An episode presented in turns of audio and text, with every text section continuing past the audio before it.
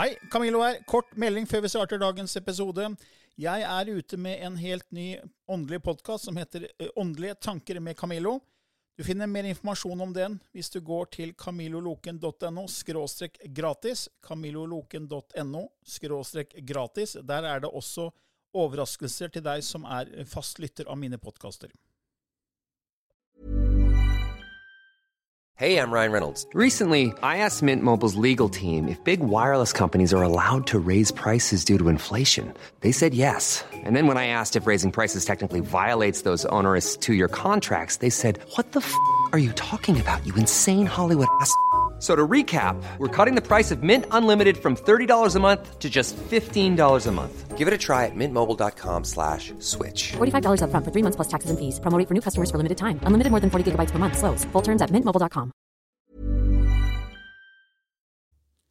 I denne podcasten belyser vi temaer innenfor den ikke-fysiske åndelige verden, og hva vitenskapen eventuelt sier om dette. Mye av innholdet er basert på vår erfaring gjennom mange år og på informasjon fra ulike kilder. Vi deler her med deg vår sannhet, som kanskje ikke er en universal sannhet. Noen av podkastene inkluderer også gjester som deler med seg sin opplevelse av hva som er sant og riktig innenfor disse temaene, noe som nødvendigvis kanskje ikke alltid stemmer med vår egen sannhet. Mer informasjon om vår podkast finner du på andogvitenskap.no. Takk for at du lytter til vår podkast.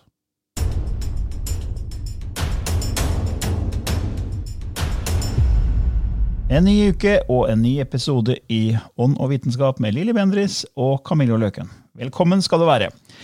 Og I denne episoden her, Lili, så skal vi jo snakke om noe vi egentlig har snakket om på en måte flere ganger, men aldri laget en egen episode om, nemlig det med spøkelser. Ja, Ja, og det er, ja. Er mange som har spurt om om ikke vi kan lage en egen episode, og, og en av de er Marius som sier «Å, er det mulig at dere kan lage en egen spøkelsesepisode? Litt sånn Åndenes makt-inspirert. Kanskje få høre noen spøkelseshistorier fra Lilly, og grave litt i hennes opplevelser. Og hva man som spøkelseinteressert kan gjøre eller reise for å oppleve når det gjelder spøkelser. da. Tror mange kanskje er interessert i dette, sier Marius, og det, det er det flere som er interessert i. Ja, det har jo eh, Spøkelset kom jo på agendaen, ikke sant, med Åndenes makt, som starta for eh, 17 år siden. Og jeg må jo si at eh, min forståelse av spøkelset før det, eh, det var at eh, ja, de er der nok, men eh, ja, men det var ikke noe at jeg har hatt noen spesielle opplevelser utover em, der jeg bodde i Ullensjåseen 13 i, et, eh, i en villa. Og der skjedde det ting som, eh, som på en måte ikke hang på greip. Og alarmen gikk, og man kom ned i stua, eh, innbruddsalarmen, og kom ned i stua, døra sto vid åpen, ikke et menneske, ingenting. Og dette skjedde flere ganger, og vi tilkalte jo eh, det vaktselskapet, og de forsto liksom ingenting, og vi var sikre på at døra var låst. Så det var sånne ting som tenkte du det at Ja, men kanskje jeg har gått i søvne. Kanskje Altså, du forsøker alltid å finne en normal forklaring Ja. når noe sånt skjer. Og så husker jeg det at eh, jeg eh, eh, En kveld så hadde jeg sittet nede i stua med min datter og hennes venninne og ble sliten, trøtt, og sa til jentene at vet du hva, mamma, mamma går og legger seg. Og, men vær stille når dere kommer og skal legge dere. Uh, fordi at uh, hvis du vekker meg, ikke sant, så er det sånn åh, du har sovna, så blir du vekket av et spørsmål. Og det var trapp opp til andre etasje til soverommet. Det var teppebelagt trapp. Og eh, ja da, de lovte høytidelig. Så jeg legger meg og kjenner at jeg er i ferd med sånn å sige inn i søvnen, og så hører jeg skritt i trappa. Og liksom sånn i bakhodet tenker jeg, ja, nå går de og legger seg. Og så føler jeg mer eller jeg hører at døra går opp, og noen som kommer inn i rommet og stiller seg foran senga. Og jeg ligger på sida uh, og ser mot, mot rommet, og i retning døra. Og, og jeg samtidig som jeg åpner øynene, så sier jeg Nadia, hva er det, hva er det du vil? Jeg er Litt sånn irritert, for at nå er hun der og gjør akkurat det hun ikke skulle gjøre. Men øynene mine de oppfanger noe helt annet. Der står en høy skikkelse foran senga, veldig høy, og min datter er 1,86, så igjen tenker jeg det er Nadia. Men i det øyeblikket jeg ser denne skikkelsen, som i halvmørket kan være Nadia, så er det som piksler på TV. Du vet når TV Mm, går ja, ja. ut av bildet, så er Ja. det masse piksler. Denne skikkelsen går, blir piksler som beveger seg lynkjapt til side, nedover mot fotengen, og så bang, borte. Gikk i oppløsning? Gikk i oppløsning. Og jeg skal love deg det, at jeg ble så redd. Hjertet banka som besatt. Jeg slukka på lyset og sa var dette en drøm? Nei, Lilly, det var ikke en drøm. Hva var det du så? Um, Det var litt, det var litt sånn? Yes, det var litt sånn. Men jeg forsto at dette ikke var noe negativt, og min forklaring var vel at det, det var min guide som sto der. Som og det at jeg så brått våkna, gjorde at eh, han ikke helt kunne forsvinne. Og jeg fikk et glimt. Så, men allikevel så hadde jeg lyset på i mange uker Men, men det etterpå. var før du hadde åpna opp selv? Det var i begynnelsen. Hva het det i begynnelsen? Ok. Men, Helt i begynnelsen. men trodde du på spøkelser da? Nei, egentlig ikke. For det var jo lenge før Åndenes makt. Ja. Men det, det satte en liten støkk i meg, så når jeg senere begynte å jobbe med Åndenes makt, så hadde ikke jeg noe annen stort sett erfaring eller dette, og tenkte at det meste har jo naturlig forklaring, at dette er jo litt på kanten, da. Men eh, snakka den gangen, husker jeg, med Lena, og sa at skal vi gjøre dette, Lena? Det er jo litt sånn ja, sjølklart skal vi gjøre det, Lilly, svarer hun. Og hun er jo veldig i kontakt med åndeverdenen, mye, mye mer enn meg. ja. Og for jeg er mer dette med guider og det som er litt lenger ute i, i, i verdensrommet. Så faktisk så sa jeg ja. Med forutsetning av at eh, hvis dette bare blir tull, så har jeg lov å trekke meg. Men den første episoden jeg spilte inn i, var vel nesten den mest særegne episoden eh, jeg hadde. For jeg var jo helt blank. Eh, hvordan går jeg frem med dette? Fornemmelse for mord hadde jeg jo vært med i tre år. Og, og reiste til dette huset i Eidsvoll. Hvor det formodentligvis skjedde de merkeligste ting. Hvor eh, leketog som gikk på batteri, hvor eh, eller fjernkontroll, begynte å gå av seg selv uten at noen hadde rørt fjernkontrollen. Batteri ble tatt ut, toga gikk allikevel. Eh, lysekronene svingte frem og tilbake. Eh, frua i huset ble jaga bort fra soverommet. Eh, babyen hennes hylte på natta og så opp mot taket.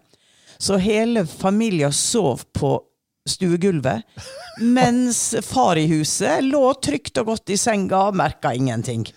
Og mente at disse toga og alt dette som plutselig gikk av seg selv, måtte være noe overledning og noe elektrisk. Veldig skeptiker. Så jeg kommer inn der, og det første jeg, jeg opplever, er en rar lukt. Eh, Som muggent, gammelt. Og eh, begynner jo å gå inn i stuene, men tenker nei, jeg må opp. Jeg må opp i andre etasje. Går opp trappa, og der står der en kvinne øverst. Jeg ser henne ikke med mine fysiske øyne. Jeg ser henne eh, med mitt indre. I ditt indre, ja. Ja. Hun har en helt klar fremtoning. Krøllete, brunt hår. Um, fin, fin ung kvinne. Og hun ser på meg litt sånn Hva gjør du her?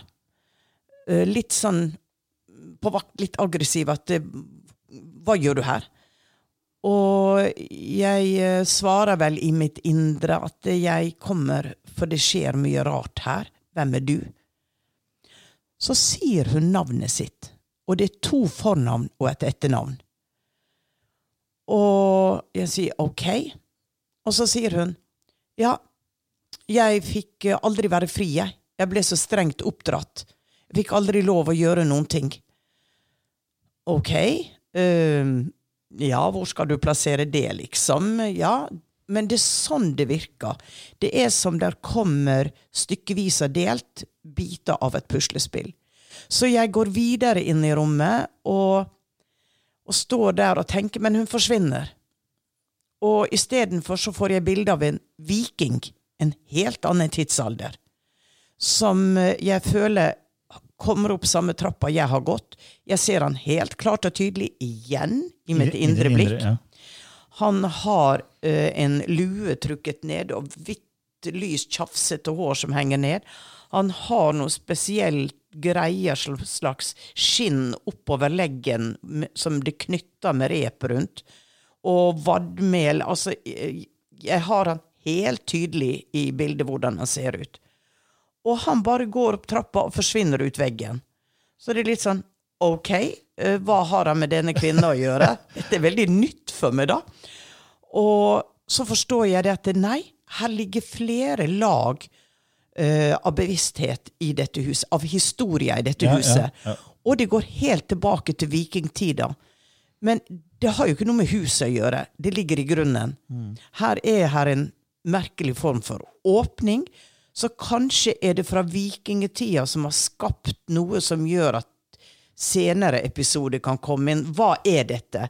Du forsker, ikke sant? Jeg, jeg er jo helt liksom Hva er det?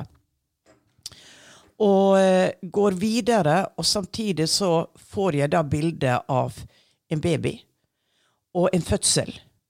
Og at eh, det er noe som skjer ved fødselen. Hun dør. Dør hun ved fødselen? Ja, hun leter jo etter barnet sitt. Hun er her i huset, for hun leter etter barnet sitt.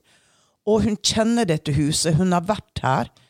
Um, uh, men har hun Altså, alt er veldig forvirrende, ikke sant? Og det er akkurat det som er vanskelig, disse bitene. Og, øh, men jeg har fått dette navnet, da. Og for å gjøre en lang historie kort, så oppsummerer jeg med at denne skik kvinneskikkelsen er det sentrale i huset. Vikingen, han kommer og går. Jeg opplever også noe interessant. Jeg går ned på et pikerom og eh, får voldsom uro at ting blir slengt rundt omkring. Det har skjedd her at bøker har blitt slengt ut. Her er paranormale ting som skjer. Og samtidig er det som jeg går inn i eh, bevisstheten til fire-fem mennesker som står foran senga der, og de er vikinger. Og de står og ser på den personen som i nåtid ligger i senga, og sier 'Hvem er det?' Så pika i nålivet er et spøkelse for de Ja, ja. fra Det vikingtida. er blanda tidsepoken her. Ja. Og de er liksom bare forundra. Og når jeg da møter familie etterpå, så snakker man jo om hva man da har sett, og så får man tilbakemeldinger. Og når jeg sier dette med vikingen, da, så sier den unge pika som bor på dette rommet, uh, at uh, du, ja, for det at jeg føler noen står foran senga mi og ser på meg hver natt. Men det er ikke ondskapsfullt, men de er nysgjerrige, så jeg bare snur meg vekk og legger, legger meg på sida og snur ryggen mot dem. Og så tenker jeg at de vil meg i hvert fall ikke noe vondt, men det er jo litt ubehagelig. Ja. Og det hadde jo føket av bøker ut fra bokhyllene og masse som, som hadde skjedd. Og så sier jeg, men så er det denne kvinna som var oppdratt veldig religiøst, og jeg får også at dette huset der, er noe religiøst her, for jeg får bønnemøte, jeg får, får merkelige sånne ting, og Men jeg, jeg tror hun bodde i huset. Og så, så, så leter hun etter babyen sin. For det er noe som skjedde under fødselen.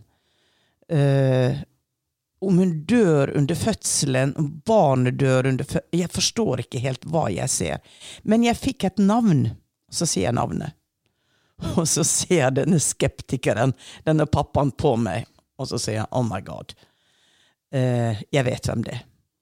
Det er en som var min småkjæreste. Og eh, Men det ble liksom ikke oss, vi var litt sånn kjærester, men vi bodde ikke langt fra hverandre. Og jeg gifta meg og fikk eh, et barn. Hun gifta seg og fikk et barn. Og de to barna er jo venner i vårt nåværende liv.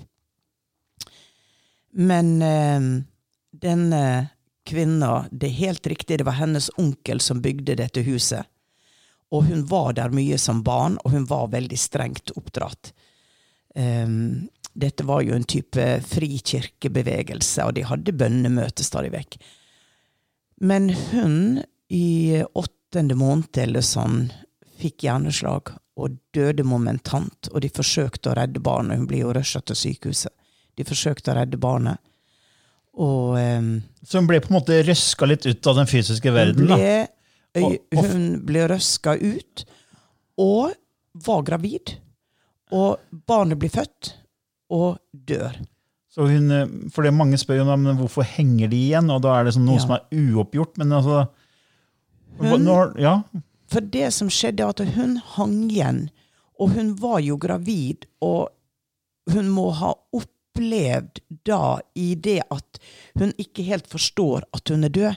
ja, for det er en forankring der med at hun Ja. skulle føde og være mamma, ikke sant? og så Ja. plutselig så er hun revet ut av kroppen sin. Og så ja, og hvor er barnet mitt? Ja, så er skjønner, barnet ja, mitt? Ja, Og det som da skjer, er at når kvinner i huset blir gravid, det er nåværende kvinner, det er da det begynner å skje. Okay. Som om hun går inn i kroppen til denne kvinna, som opplever at under graviditeten så skjer det noe rart med henne. Hun forandrer, føler at hun forandrer personlighet. At eh, hun som har hatt glatt hår hele tida For jeg ser jo denne kvinna med krøllete hår, enten det er permanent eller hva det er. Hun får tanker som om at eh, jeg må ta permanent, jeg må ha krøller. Jeg kan ikke gå med dette glatte håret. Hun blir irrasjonell. Hun, hun får en temperamentsutbrudd. Mannen kjenner henne ikke igjen. Eh, som om her blir en blending av denne sjela som da som, som i en drøm, ja. ikke sant? Ja, ja. Du er forvirra, og så går du inn. Ja, men jeg kjenner jo han. Han, hun er gravid. Så her blir en blending av en sammenkobling. Og da er det jo på en måte som om samtidig som hun er i kroppen til denne kvinna, så har hun også sin egen identitet og vil ha kvinna vekk fra senga. For det er jeg som skal ligge her. Spøkelse. Og det som skjer når denne historien kommer frem, vi tar den ikke frem i sin helhet den gangen fordi at det, det var så gjenkjennende. Folk ville vite hvem det var, og man skulle beskytte. Men vi ble jo klar over at de fleste, når de så eh, episoder, så visste de hvem det var. Eh, Så derfor så kan jeg nevne dette nå. Men det vi gjorde, og det som skjedde, var at eh, kvinna i huset begynte å gråte. Og fikk en enorm sorg.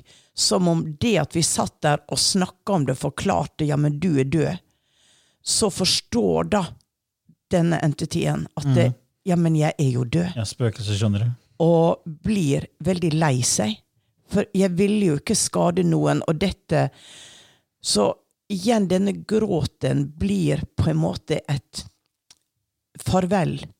Og vi lager en seremoni hvor vi viser henne barnet som venter på henne, familien, altså, og, og at hun kan komme dit hun skal være og legger, Ja. legger blomster på grava hennes.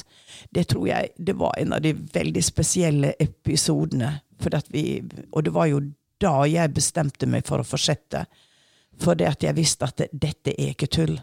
Her får vi en tilbakemelding. Eh, her er Vi kan hjelpe. Jeg kan hjelpe noen. Og, Ja, du, og du har jo holdt på nå, eh, hvor mange sesonger har det vært? 15 sesonger? 16, 16 sesonger med Ja. Makt. Så, Ja. Men hva, hva er, når du holdt på å ha lang erfaring med det, hva, hva tenker du er grunnen til at det henger igjen? Kall- Det er uoppgjorte ting. Det er følelser. Det er følelseskroppen som henger igjen. Enten fordi at det der er et budskap de ikke fikk gitt. En som har tatt sitt eget liv, f.eks. Mm. Uh, som har et behov for å be om tilgivelse for smerter han påførte de. og forklare at han kunne ikke noe annet. Uh, eller forklare at det var et uhell. Jeg mente egentlig ikke. Eh, og forklare at jeg har det bra, jeg er godt tatt vare på, jeg er ikke noe helvete. Um, jeg, eh, jeg vil gjerne komme tilbake, men jeg må vente litt. Jeg har jo skrevet disse historiene i f.eks. Alt jeg ser, denne boka mi, som ble gitt ut på Gyldendal for noen år siden. Der har jeg jo samla en del av disse historiene. Men det er for meg, i min forståelse, så er det fordi at det der er en sterk energi som henger igjen. Og igjen denne forståelsen jeg blir gitt med at vi er sjelspartikler. Og at eh, alle sjelspartiklene har en unik oppgave, men de danner et hele. En sjelspartikkel i lillefingeren skal passe på lillefingeren, men er samtidig i dialog med hele kroppen. Og den emosjonelle kroppen, når vi har noe uoppgjort, eller vi har en stor traume, en stor sorg, og ikke bearbeider det, så vil når vi oppløses i det fysiske, så blir vi alle disse partiklene, som er da i forskjellige faser av sin reise. De går over til eterkroppen, som er fartøyet som skal bringe de videre til den delen av astralverdenen de skal fortsette sin historie. Ja, for det snakka vi om i for, for en av tidligere episoder. Ja, så, så kan du si at det, de, de går fra en tredjedimensjonell frekvens opp i en fjerdedimensjonell frekvens, og i fjerde dimensjon er det mange under- og overenergier, frekvenser, men som tilhører det sjiktet som vi kaller astralverdenen. Og det som da skjer, er at eh, energier, frekvenser av sorg, de blir hengende. De er så tunge at de blir hengende i tredje dimensjon. Og da er det jo ikke det at personen ikke har gått over, men deler av personen, og i og med at alt er holografisk, den lille delen kan skape et bilde av hele personen, som blir observert av en som ser spøkelset. Og det er også folk som har på en måte hatt eh, avhengighetsproblemer. da. Ja. De er også folk som henger igjen. Ja. Som ikke klarer å gi slipp på den avhengigheten, om det har vært alkohol eller narkotika eller andre ting. ikke sant? Om Ja. det vært, ikke sant? Så det er et eller annet som er så sterkt emosjonelt, Ja. som er liksom ankeret. Ja. Men så har vi tidligere snakka om at uh, ingenting er tilfeldig, det er årsak og virkning. Så da, det er jo en mening med, med at de skal på en måte finne ut av det her òg, da. Yes, det er Og, det. og så snakka vi tidligere om astralplanen, og der brenner vi ut våre behov eh, når vi er ferdig her. på en måte, Men, sam, men alt skjer jo egentlig samtidig. Det var det Ja. som var så interessant. Og så få en sånn aha-opplevelse på at uh, folk tror at når vi dør, ja, da kommer vi til astralplanet. Men man er jo allerede der Ja. nå, mens man lever her nå. Ja. Men bare at bevisstheten kan si at alle partiklene er der, da, eller um, i forskjellige stadier, Ja. men ikke lenger her i det fysiske. Ja. Så, men så er jo det her med Har alltid vært eh, folk som har trodd på spøkelser. Så sjekka litt er, hvor, hvor langt tilbake finner man informasjon i litteraturen om spøkelser. Og da går man helt tilbake til 2150 før Kristus. Og da var det noen som ble kalt for The Epic of Gilgamesh. Som da var et sånt verk som da beskriver spøkelser. Så vi, vi mennesker har levd med spøkelser i mange tusen år. da. Ja. Og det har vært en del av vår hverdag. Men, altså, men hvor mange tror på spøkelser? Det var interessant å få, få sjekka litt. Ja. Så i, I USA så var det en stor undersøkelse i 2005, og der viste at tre av fire amerikanere tror på paranormale aktiviteter. Og 21% mener de har kommunisert med eller fått kontakt med det paranormale. Ja. Eh, Og i Norge så ble det jo gjort eh, en undersøkelse som eh, var basert fra Institutt for kirke-, religions- og livssynsforskning, KIFO, i mai 2019. Og da var det 4000 som svarte på den, om tro og livssyn og åndelighet. Men det var også, var- det var også politiske tema som var involvert der, og hvilket parti de tilhørte. og Dermed kunne forskerne undersøke mulig sammenheng, mellom tro og livssyn på den ene siden, og politisk ståsted på den andre. Og det var det som viste seg at 40% av KrFs velgere tror at noen hus og bygninger kan være hjemsøkt av ånder. Og 37% av FrPs velgere tror det samme. Ja. Og, og de som var minst spøkelsestro, var venstrefolket, som bare 10% cirka trodde da, på spøkelser. Mens de andre partiene hadde ca. 20 eh, på 20-tallet et sted. da. Ja. Så, så det er jo også mennesker i Norge som tror på det, men det er klart, de fleste tror jo ikke på det. Og det, det er jo Ja. kanskje litt forståelig, fordi vi, vi lever jo etter av å se er å tro. Hvis vi ser det, så kanskje ikke vi tror det. Men så Mm. skal det bevises da. Én ting er å se det, men du kan jo se syner. Mm. Så når du så det spøkelset ved senga di, så hva, hva tenkte du? At du hadde blitt gal? Tenkte du at det var reelt? Hva, hva tenkte du da? Nei, jeg tenkte at jeg har bedt om ikke å se de som er rundt meg, for jeg vet at de er rundt meg, men jeg vil ikke at de skal okkupere samme space i det fysiske Ja, ja. som meg. Fordi at jeg vil bli redd. Ja. Jeg vil tro det er en innbruddstyv. Altså, det er noe med at noen står foran deg. Det er noe helt annet å få et indre bilde. Ja, fordi det er, det er sånn De som er skeptikere, de vil bare si at det er bare tull og tøys det vi snakker om nå. Sant? Det er sånn Mm. Ja, ja. «Nei, ja, men Spøkelser finnes ikke. Åndenes makt det er avtalt spill. Og, Ja, og, ja. altså, jeg har snakka flere ganger om faren min i, i den podkasten her, om at han var ihuga ateist. Ja. Han har vært død i tre år nå. Men han var sånn Nei, åndenes makt? Nei, det er avtalt spill. Ja. Det, er bestemt på forhånd. Er liksom, Ja, ja, men så, så fikk jeg han til å se på et par episoder, og da og skjønte vel etter hvert at det, det, hadde det vært avtalt spill, så hadde noen vært en, en utro tjener og, og lekka det her til pressen. Ja.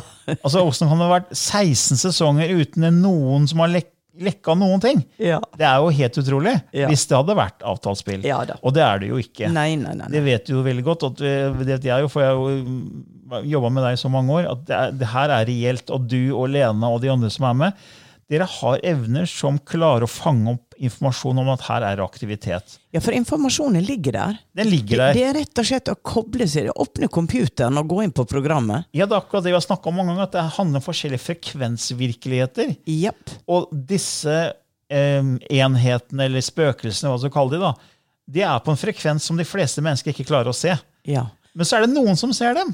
Ja, og, og der er en kar som heter Olav Digrestad, som jeg ble så fascinert av forklaringsmodellen til. Uh, dette med at det der er brannmurer mellom dimensjonene. Ja. Men at tyngdekrafta, spøkelset bruker sin tyngdekraft til å overta et objekt som blir usynlig i det fysiske, før molekylene eller atomer går over til en høyere frekvens. Skiftefrekvens, ja. Ja, og så kan sendes inn igjen da.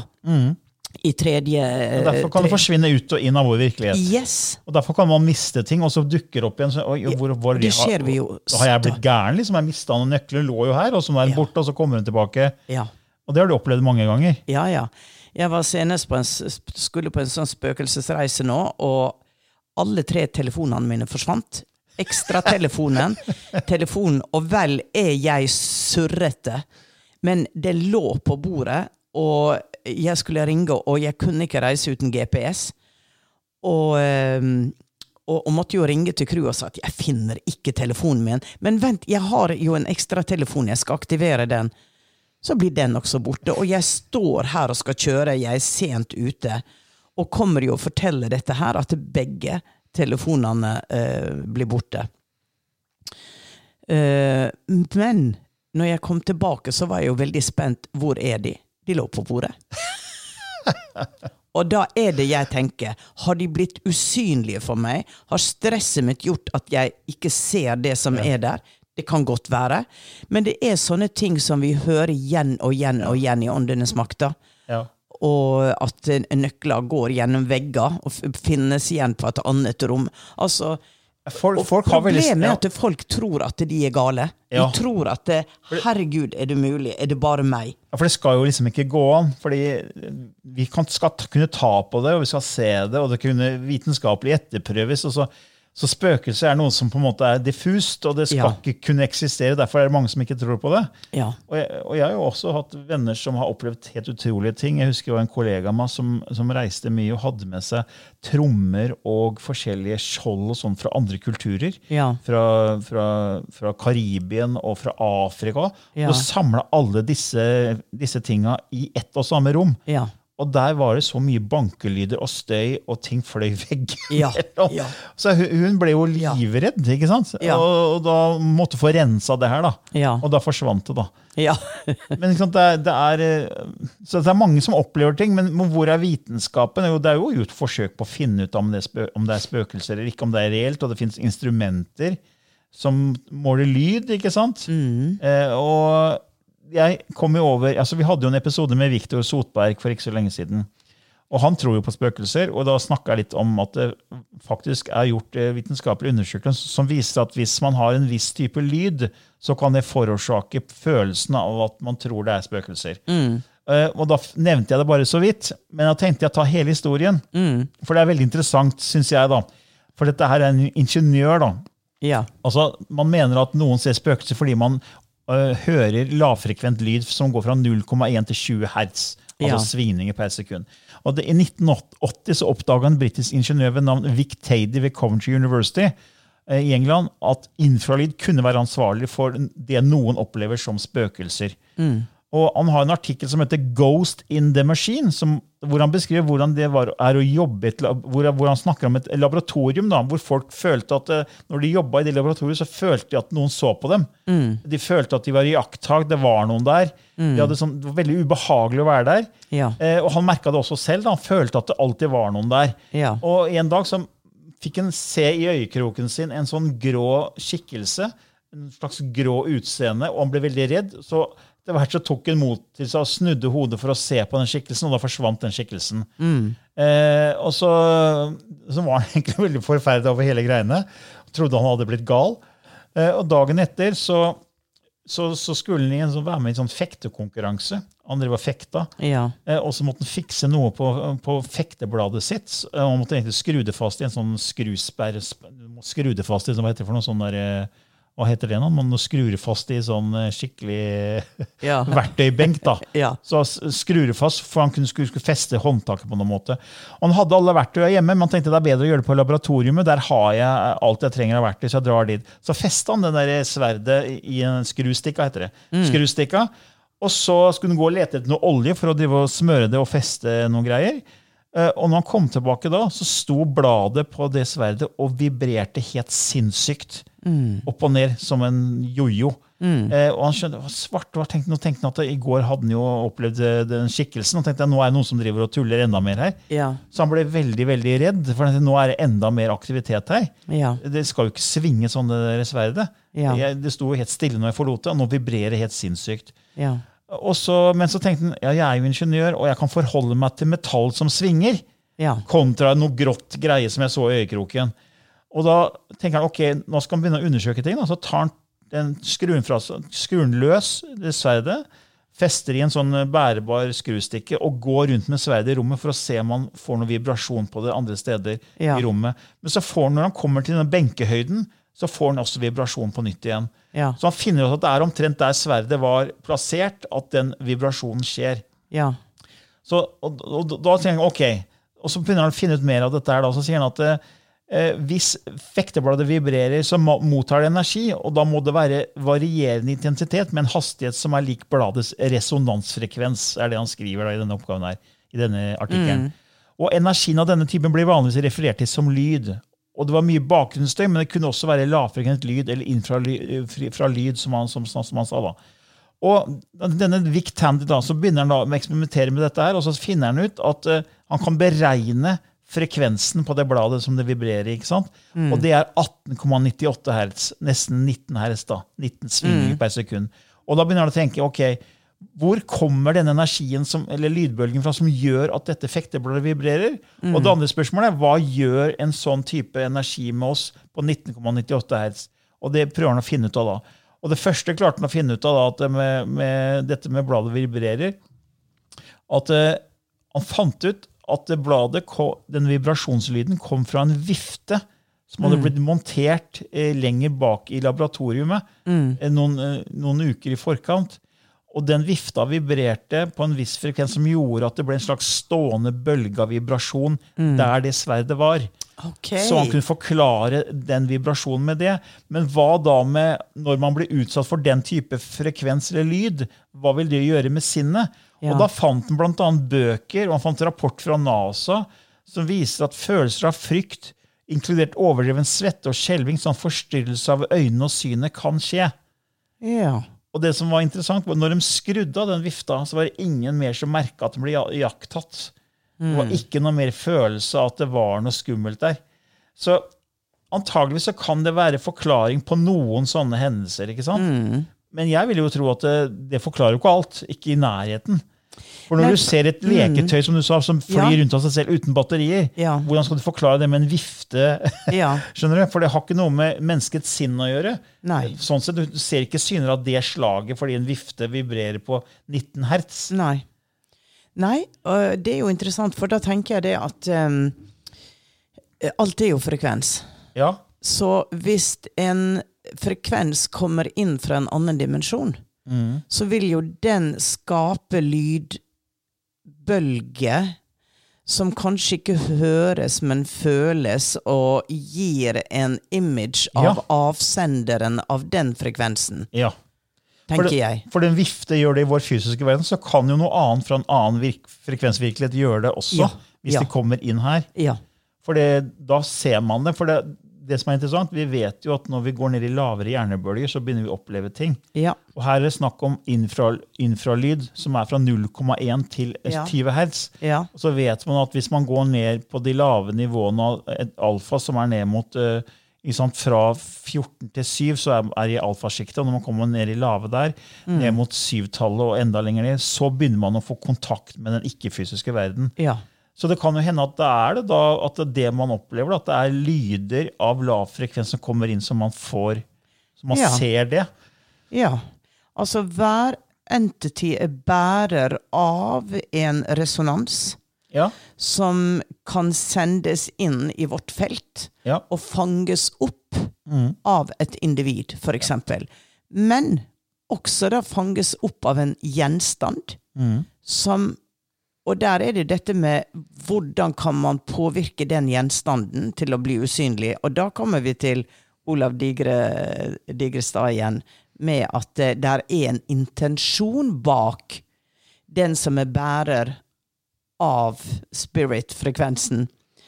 Uh, Nå blir det litt komplekst her. Uh, som vil gi en beskjed gjennom å påvirke en gjenstand til å oppløse sine atom i tredje dimensjon. Ja, for- Og for det Ok, gud, nå, nå blir det komplisert. Får får du beskjed fra hjelperne? Ja, ja de, de er jo litt oppgitt eh, over meg, da, fordi at eh, jeg har ingen ABC-bakgrunn til å forstå. Men, men det, det de sier at det, når man leker, når barn leker, så bruker de fantasi, og de skaper fantasifigurer, og de kreerer ting. Så Nei, ja, pokker, da. Ja, for når du snakker om intensjon, da, det, er, Ja. det er jo forska på. Det er jo William Tiller, professor for Stanford University, eh, som nå er pensjonert. Han har jo forska på det i 15 år og viste at intensjon påvirker fysisk virkelighet. Ja. Så når du sa at eh, den som sitter med den eh, frekvens, intensjonen fra en annen virkelighet, da, Ja. så vil det kunne blende over i vår virkelighet Ja. og faktisk gjøre noe med det fysiske.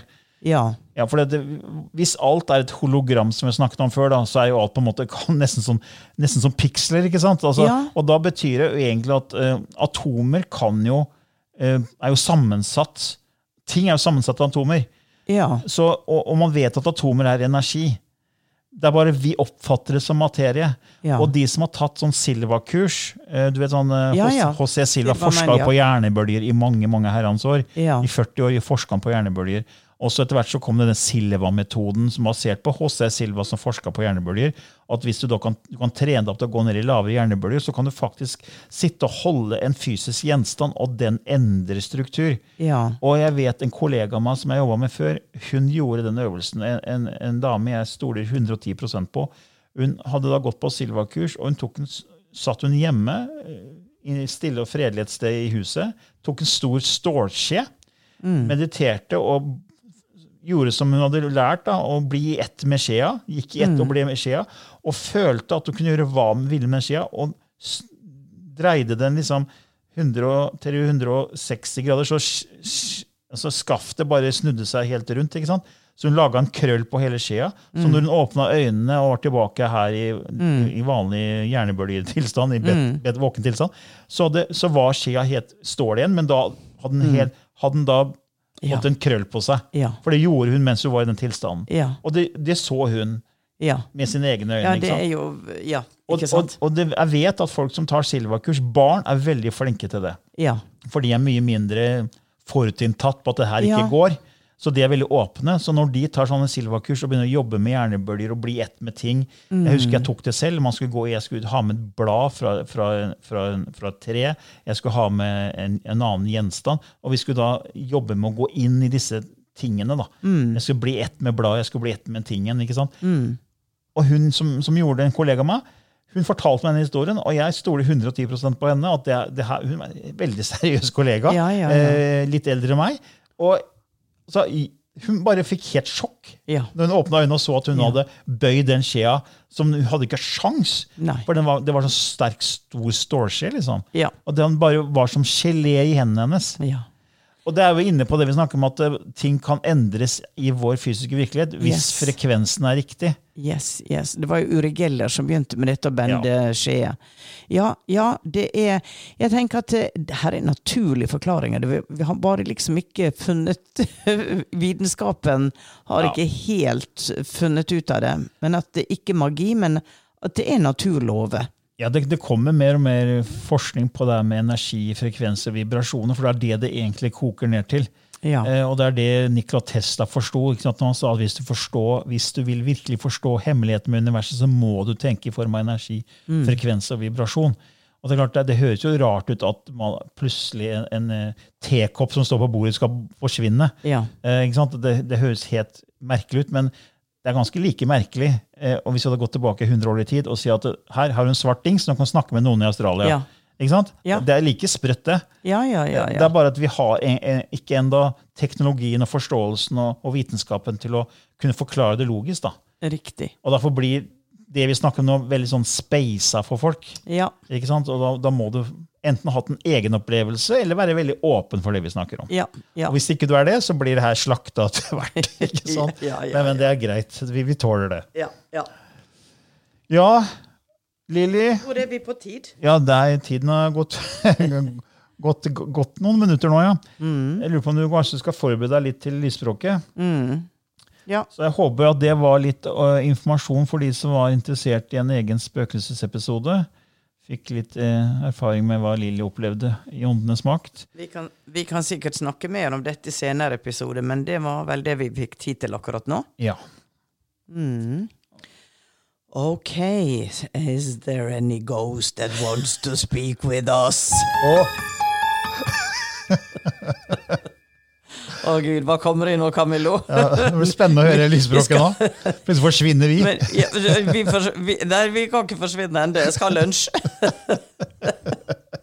Jeg må spise. Jeg begynner å bli sulten. Ja, ja. Åh, ja, vi er her og vi er der, er det ikke det de sier? Kanskje det kommer inn noe veldig humoristisk her nå, da, for Ja. nå blir vi litt sånn på knisen her. ja. Åh, og det er jo noe med, også med det å ikke ta ting så jæskla seriøst, da. Det er mye humor i eh, Det er mye humor i åndeverdenen, for å si det sånn. ja. Så, men anyhow. Anyhow, la meg eh, koble meg på her. Så skal Lilly kanalisere lysspråket. Og for de av dere som ikke har hørt det før, så kan dere gå inn på vår nettside andogvitenskap.no og klikke på linken 'Lysspråket', så får dere litt mer informasjon om det. Det var et eh, språk Lilly begynte å laste ned, eller kanalisere ned, for mange år siden eh, på en reise til USA. Og så har hun gjort det siden. Og det er mange som får spesielle positive reaksjoner når de hører det. Andre merker ikke noe etter første eller andre tredje gang, men plutselig så kommer det en episode med et lysspråklag som gjør at man får en reaksjon. Og kanskje det gjelder deg nå.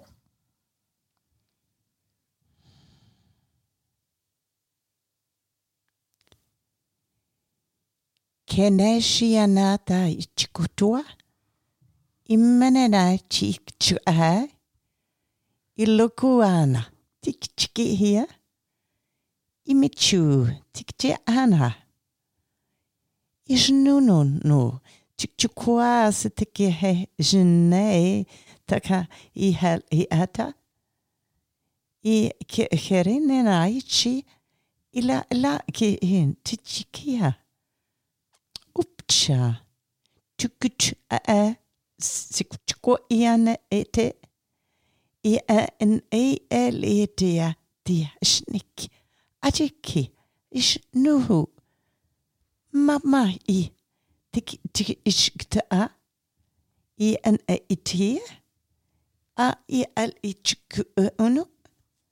A i en tik e shikite e. Upchuhana tiki. I i l itka ish n it e. O uk nut ak iti ek ch n e. I n i het e e shitki e. O m n i. Atachike o heli a. Initi chik anachika opeka ishne ti al hahitika ushu nahia chika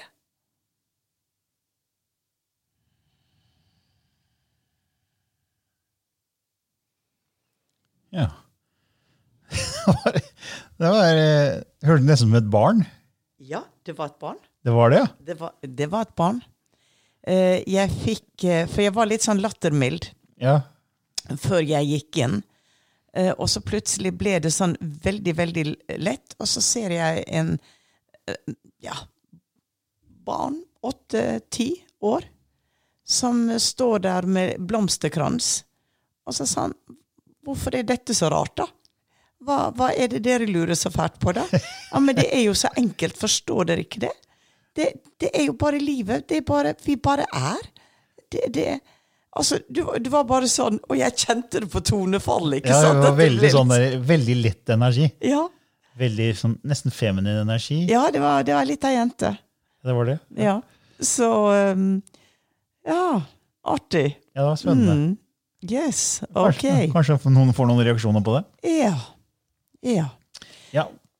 ja, men da sier vi takk for nå. Det gjør vi, vet du. Og så ønsker vi alle en glimrende dag med spøkelser sine. Ha det bra. Ever catch yourself eating the same flavorless dinner three days in a row? Dreaming of something better? Well, HelloFresh is your guilt free dream come true, baby. It's me, Kiki Palmer. Let's wake up those taste buds with hot, juicy pecan crusted chicken or garlic butter shrimp scampi. Mm. Hello Fresh. Stop dreaming of all the delicious possibilities and dig in at HelloFresh.com. Let's get this dinner party started.